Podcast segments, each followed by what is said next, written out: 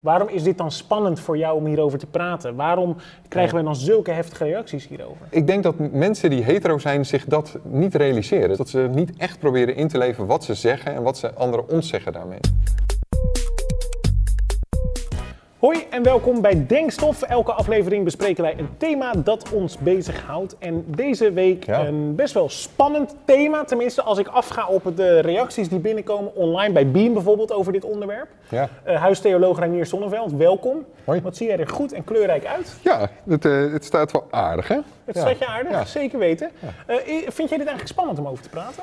Ehm, ja, eigenlijk wel een beetje. En, en sowieso vind ik het een beetje gek, een beetje awkward dat wij twee heteromannen zijn en die dan iets moeten gaan vinden over wie dat dan niet zijn. Want we gaan het hebben over homoseksualiteit. Ja, precies. Dat, dat hadden mensen denk ik wel geraden met al die regenboogvlaggen. Zou je denken? Ja, en het is, ja, het is wel zo'n onderwerp waar je heel snel eh, de, de mensen mee op de kast hebt. Dus dat of een groep om wat voor reden dan ook gekwetst is. Ja, Ja. in de kast. Dus dat vind de ik kast, eigenlijk wel. Ja, dus uit de kast, in de kast. Je hebt, je hebt snel mensen inderdaad. eh, Rondom een kast bij dit onderwerp. Ja. precies. Ja. Ja. Nee, het is belangrijk om hierover te praten. Juist omdat er zoveel eh, reacties, best wel intense reacties eh, bij Beam over binnenkomen altijd. Er is eigenlijk een soort ja, alfabet wat we even uit moeten leggen. Hè? Ja, dus er is een soort term, dat wordt vaak LHBT of LHBTQ. En soms zijn er nog wat letters bij. En hier zijn heel wat van die letters. Matig voorbereid, maar eh, de L De beginnen L, we mee. de L. Dat staat voor eh lesbienne of lesbisch. En dat betekent dat je als vrouw verliefd wordt op vrouwen. Juist. Dan hebben we de H. Die staat voor homo's. Dat betekent dat je als man verliefd wordt op mannen. De B. Dat staat voor biseksueel. Dat betekent dat je als man of vrouw verliefd wordt op allebei. Dus mannen en vrouwen. Dan hebben we de T. Dat staat voor transgender. Dat betekent dat als je een, eh, lichaam hebt wat vrouwelijke kenmerken heeft, dat je liever een eh, mannelijk lichaam zou hebben of andersom. En dan hebben we de Q. En dat staat voor queer. En dat betekent zoiets als dat je in geen enkel vakje wil passen. Of daar je nergens echt helemaal thuis voelt. Juist, oké. Eh, de vraag van vandaag is, mag ik homo zijn van Ja. God? En Dus dat laten we beginnen... over de L en de H. Ja, daar gaan we voornamelijk even op Ja. inzoomen. Hè. Eh, laten we beginnen bij ons denkstofpanel. Die zegt daar namelijk het volgende over. 55% zegt God vindt homorelaties geen probleem. En 45% zegt oneens. Wat vind je van deze uitslag? Het lijkt denk ik wel een beetje op hoe het eh, buiten de kerk speelt, maar dan zonder het woordje God. Ik, ik, ik merk dat ook buiten de kerk wel heel veel mensen op een manier ongemakkelijk worden van, eh, van homorelaties. Dus Ja? dat, ja, dat speelt overal wel. Ja. Ik heb altijd wel de indruk dat het echt een, eh, een gelovig probleem is ook. Nee, het speelt overal wel. Misschien in de, in, de, in de steden wat minder, maar buiten de steden, maar ook in heel veel gemeenschappen in de stad speelt, speelt er een ongemak bij dat soort relaties. Historisch gezien, hè, tot in de jaren 70 was eh, homoseksualiteit stond in een handboek voor psychiatrische ziektes. Pas in 2001 eh, zijn- is het homohuwelijk eh, bestaat dat als fenomeen. Eh, in Nederland is dat voor het eerst begonnen. Er zijn nu iets van 30 landen waarin het kan. Maar dat, dus het is vrij nieuw dat dat in beweging is. Ja.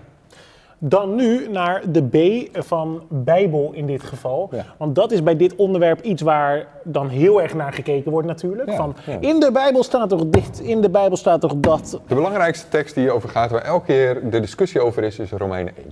De mensen gingen zich verkeerd gedragen, staat er. Het is een heel historisch verhaal over wat er fout is gegaan. Dat mensen God hebben verlaten. En dan een van de consequenties daarvan is dat vrouwen hebben seks met vrouwen en mannen hebben seks met mannen. Wat lezen mensen hierin? Nou ja, dus de uitleg is, kijk, er staat toch dat het verkeerd is. Dus dat is super duidelijk. Mannen mogen geen relaties hebben en zeker geen seks hebben met mannen en, en vrouwen niet met vrouwen.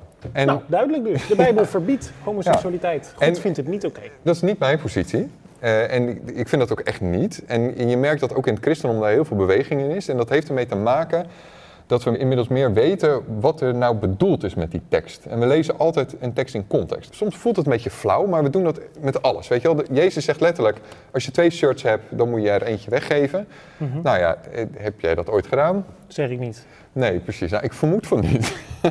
Jezus zegt letterlijk, eh, als iemand geld vraagt, eh, van je vraagt om te lenen, moet je dat doen zonder het terug te verwachten.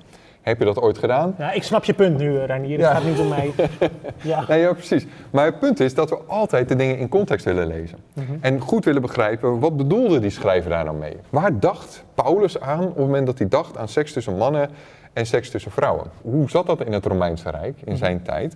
Is dat eh, de situatie van homoseks was dat een man die gewoon getrouwd was met een vrouw, eh, dat hij als het ware er een tienerjonger bij deed. Een tienerjongen bijdeed. Dus dat zouden we op dit moment eigenlijk misbruik noemen, of Ja. pedofilie, of zo'n soort term.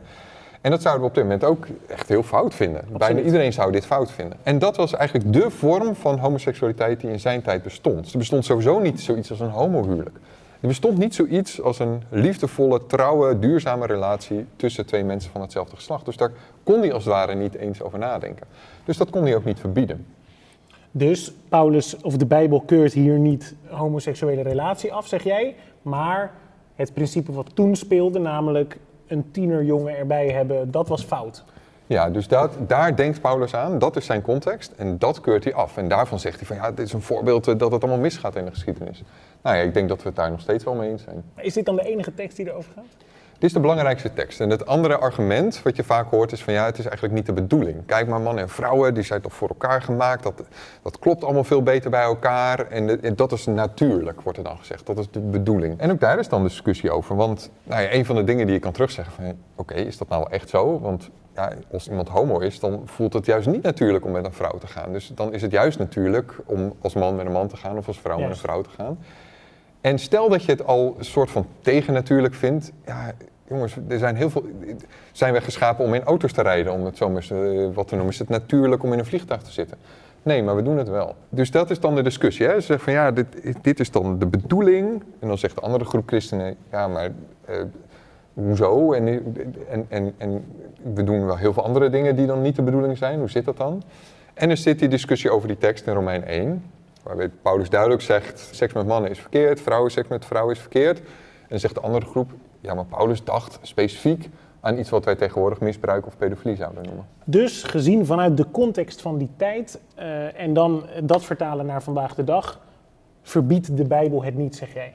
Exact. En ik merk ook dat we als christenen daarin eh, aan het veranderen zijn. Dus je merkt dat op dit moment iets van 5% van de katholieken er nog tegen is, om het zo maar te zeggen. 25% van de protestanten, 60% van de reformatorische christenen. Die groepen worden kleiner. Hoe denk je dat God dit eh, aanschouwt, deze discussie, dit gesprek? Ja, eh, dat weet ik natuurlijk niet precies. Maar ik, ik denk eerlijk gezegd dat God eh, denkt van... joh, ik hou zo ontzettend veel allemaal van jullie. En wat, zit je, wat, zit je, wat zitten jullie er toestanden van te maken? Ja, ik zie dat jullie... Iedereen heeft zo zijn dingen. Waarom ga je daar zo'n discussie over maken? Ik denk dat God een beetje, een beetje treurig van wordt. Waarom is dit dan in zoveel kerken nog steeds een probleem? Ik denk dat een van de dingen meespeelt is gewoon eh, dat we het niet gewend zijn. Ik ken in mijn omgeving diverse homo's en lesbiennes. Maar ik merk toch nog dat er veel mensen zijn die, die gewoon geen homo's en lesbiennes kennen. Dus dan is het een soort ver van je bedshow. Het is iets anders. Sowieso gaat het over seksualiteit. Dus dat is sowieso iets intiems en kwetsbaars. Waar van alles mee misgaat. Dus waar ook pijn en van alles bij kan zitten. Maar ik heb wel de indruk dat de kerk vaak wordt gezien als een plek waar het echt nog slecht gesteld is, zeg maar, als het over dit thema gaat.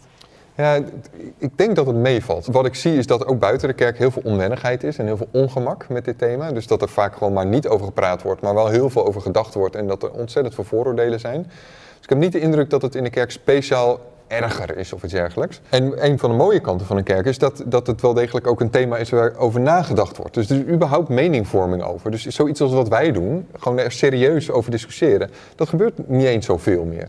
Dus dat vind ik dan weer tof. En wat, je, wat elke keer weer speelt is, op het moment dat je een mening hebt over iemand, het eerste wat je moet doen is met diegene praten natuurlijk. Weet je wel, Dit- natuurlijk ga je op het moment dat je, dat je zelf eh, het allemaal prima vindt, het maakt niet uit of je homo's lesbienne vindt, maar je merkt dat iemand tegen is, ga, ga eens met diegene praten. In plaats van dat dan maar heel dom te vinden of weet ik veel wat.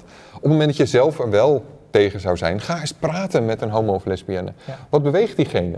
En besef wat je doet op het moment dat je eigenlijk vindt dat het niet mag. Dat is eigenlijk hetzelfde als, stel dat iemand tegen jou zou zeggen van ja, je mag die, je hele leven mag je niet, eh, mag je geen relatie hebben. Of je moet eigenlijk homo worden, want dan, ja, dan, eh, Dat is heftig. dat is de bedoeling van God. Ik denk dat je dan voelt dat je dan heel, echt iets heel groots zegt en heel veel vraagt. En dat dat onevenredig ook is met wat we normaal van elkaar vragen als christenen. Dus los van wat je vindt, is het sowieso belangrijk om gewoon met elkaar te praten in plaats van over elkaar te praten. Ja. Dat, dat is belangrijk. Laten we dat dan ook gaan doen.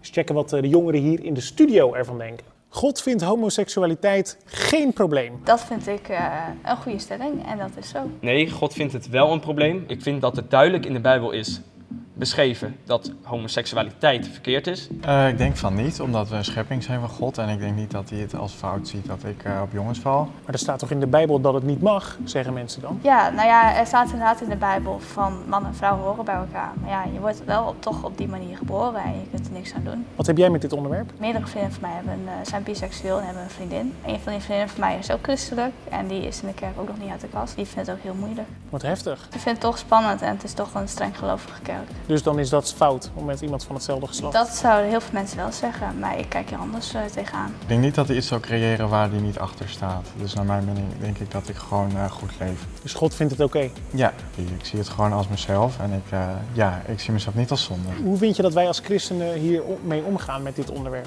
Eh, nou, ik vind het soms een beetje zwaar beladen. Dat ik denk, eh er kan wel wat lichter over gedacht worden. Omdat je er natuurlijk niet zelf voor kiest. Heb je dat meegemaakt, dat mensen in je omgeving eh, er moeite mee hebben? mijn moeder, een jaar lang. Totdat ze echt zag dat ik nog steeds hetzelfde metje was en eh, gelukkig was dan ik ervoor was. En toen was het allemaal wel goed. Wat vond ze lastig? Eh, nou, ze vond het moeilijk omdat ik eh, geen vriendin zou hebben. En dat de familie haar dan raar zou aankijken omdat ik dan anders ben dan gemiddeld. Mijn vader is heel open-minded, dus die, die vond het helemaal prima.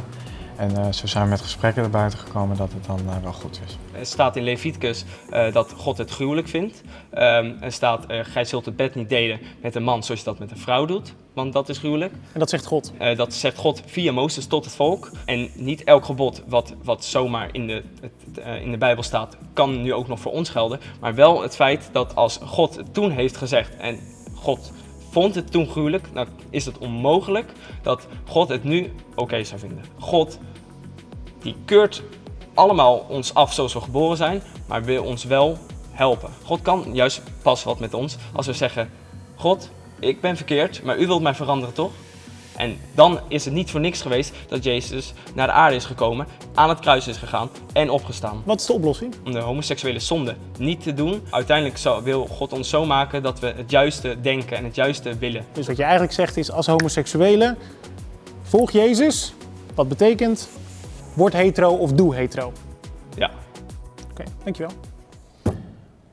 Pittig, Reinier. Vooral Ja. Theodor, die is het niet met jou eens. Ja, dus je merkt tegelijk, zie je ook hier bij deze drie, dat het, dat het opschuift. Hè? Dus dat we er laconieker, we worden er wat, wat vrijer in. En Theodor is inderdaad pittig. Ik krijg eerlijk gezegd bij hem wel een beetje het gevoel dat hij al van tevoren weet dat het niet mag. En dat hij dat dan vervolgens eh, zoekt in de, in, de, in de tekst. En Dus dat hij de Bijbel leest vanuit een bepaald Vanuit een bepaalde intuïtie, vanuit een bepaald standpunt van ja, dit, dit mag niet. En, en nou ja, dat lees ik dan ook in de Bijbel. Maar dat zou hij ook over jou kunnen zeggen. Zeker, dus dat is ingewikkeld. Maar er is niks van wat hij zegt waarvan je denkt, nou ja, zou ook kunnen. Ja, ik, ik, ik volg hem, zeg maar, en ik begrijp hem in die zin. Wat ik hem waardeer en wat hij doet, is dat hij het, hij neemt het serieus. Hij probeert echt heel erg de wil van God te zoeken. Nou ja, Ja. dat is tof. Wat ik hoop, eh, eh, is dat hij kan houden van homo's en lesbiennes. Voor mij vindt hij dan van alles daarvan, maar dat hij er echt van die mensen kan houden, daar gaat het heel vaak mis in. Dan gaan we op een manier elkaar afkeuren om wat dan ook. Ik bedoel, het kan ook andersom, hè, dat je zegt van ja, ik vind alle mensen die tegen homoseksualiteit zijn, vind ik heel erg stom. En dan ga je dan eh, lompe grappen over maken. Dus we houden elkaar lekker bezig en gaan we intussen niet doen waar, waar het over moet gaan. Ja. Namelijk elkaar tot bloei brengen en, en proberen verder te komen. Het gewoon, het gewoon hier mo- mooi te maken. Hier. Misschien is dat wel het grootste probleem aan eh, deze discussie, dat die zelden echt liefdevol en met respect wordt gevoerd. En dat het natuurlijk gaat om echt hele diepe gevoelens. Ja. En als je dan wordt afgewezen door je ouders, door familie, is dat Ja. natuurlijk heel pijnlijk. Nou ja, dat, en dat is een van de ingewikkelde dingen van wat hij zegt. Van ja, het komt erop neer van ja, als je homo bent, ja, dan moet je eigenlijk gewoon hetero worden. Nou ja, dat is zo ondenkbaar. Dat is eigenlijk gewoon hetzelfde als, als ze tegen ons zouden zeggen van ja, je moet een relatie met een man hebben. En dat is voor ons gewoon, dat kunnen we ons gewoon niet voorstellen, zeg maar. Of dat past gewoon niet bij ons. Ik denk dat mensen die hetero zijn zich dat niet realiseren. Dat ze zoiets zeggen, weet je wel. Dus dat ze niet echt proberen in te leven wat ze zeggen en wat ze anderen ons zeggen daarmee. We proberen zorgvuldig met elkaar om te gaan. We proberen duurzame relaties met elkaar aan te gaan. En dat is een voorrecht, dat wil je niemand ontzeggen. Dus, mag ik homo zijn van God? Ja, zeg jij. Ja, zeker. Het- want God heeft je zo gemaakt zelfs. Ga je de YouTube-comments lezen van deze video? Goeie vraag. Oh ja, ja eigenlijk wel. Ja? Eens een keertje. Gewoon één keertje. Gewoon even vijf minuten. En dan, eh, en dan ren ik en dan ga ik huilend onder mijn kussen liggen. En dan, Reinier, zijn huisadres staat in de beschrijving. nee, maar ik weet zeker dat er mensen gaan zijn die heftig gaan reageren, omdat het dus Ja. zo'n beladen discussie is. ja, Dus los van dat jij zegt homo mag eh, van God, geloof jij, laten we vooral de discussie op een normale manier voeren. Ja. Toch? Ja, zeker. En ik, ik zal ongetwijfeld eh, bepaalde woorden net niet eh, lekker hebben gezegd. En dan, en dan valt daar iemand over. Dat kan, kan. Ja, dat zal ongetwijfeld gebeuren. Het is gewoon een hele Dat is gevoelige discussie. aflevering wel zo hoor. Ja, zeker. Dus Dat je dingen zegt dat ik denk van ja, dat klopt. Dat is net vaak. zeker, ja, zeker. Ik ben niet perfect. Ik ben een mens. Ja, Ja. zeker. Dankjewel Reinier. Ik zou zeggen eh, tot de volgende keer. Heel erg bedankt voor het kijken. Later. eh, bye bye. En eh, dit is, dit is de keuken. Dan ben je- Qua. Doei. Iets. Hoi. Nog, eh, nog even één dingetje, Reinier. Ja? Eh, stel je zit dit te kijken en je denkt misschien ben ik wel homo of ik ben homo, maar ik heb Ja. er nog met niemand over gepraat. Eh, wat is jouw advies? Ja, het eerste is, en dat is echt een big deal. God houdt van je, weet je wel. Het is niet, het is niet ja, wie je ook bent en wat je, wat je ook denkt, God houdt van je. En dat is zo, ja, dat is, daar begint het. En dat is, dat is A en dat is Z, weet je wel. Dat is, de- dat is het. En vervolgens kun je, kun je gewoon, ja, je kunt er gewoon over praten. Er is altijd iemand die je kunt vertrouwen en, en die je in vertrouwen kunt nemen en over je twijfels of gedachten eh, dat kunt delen.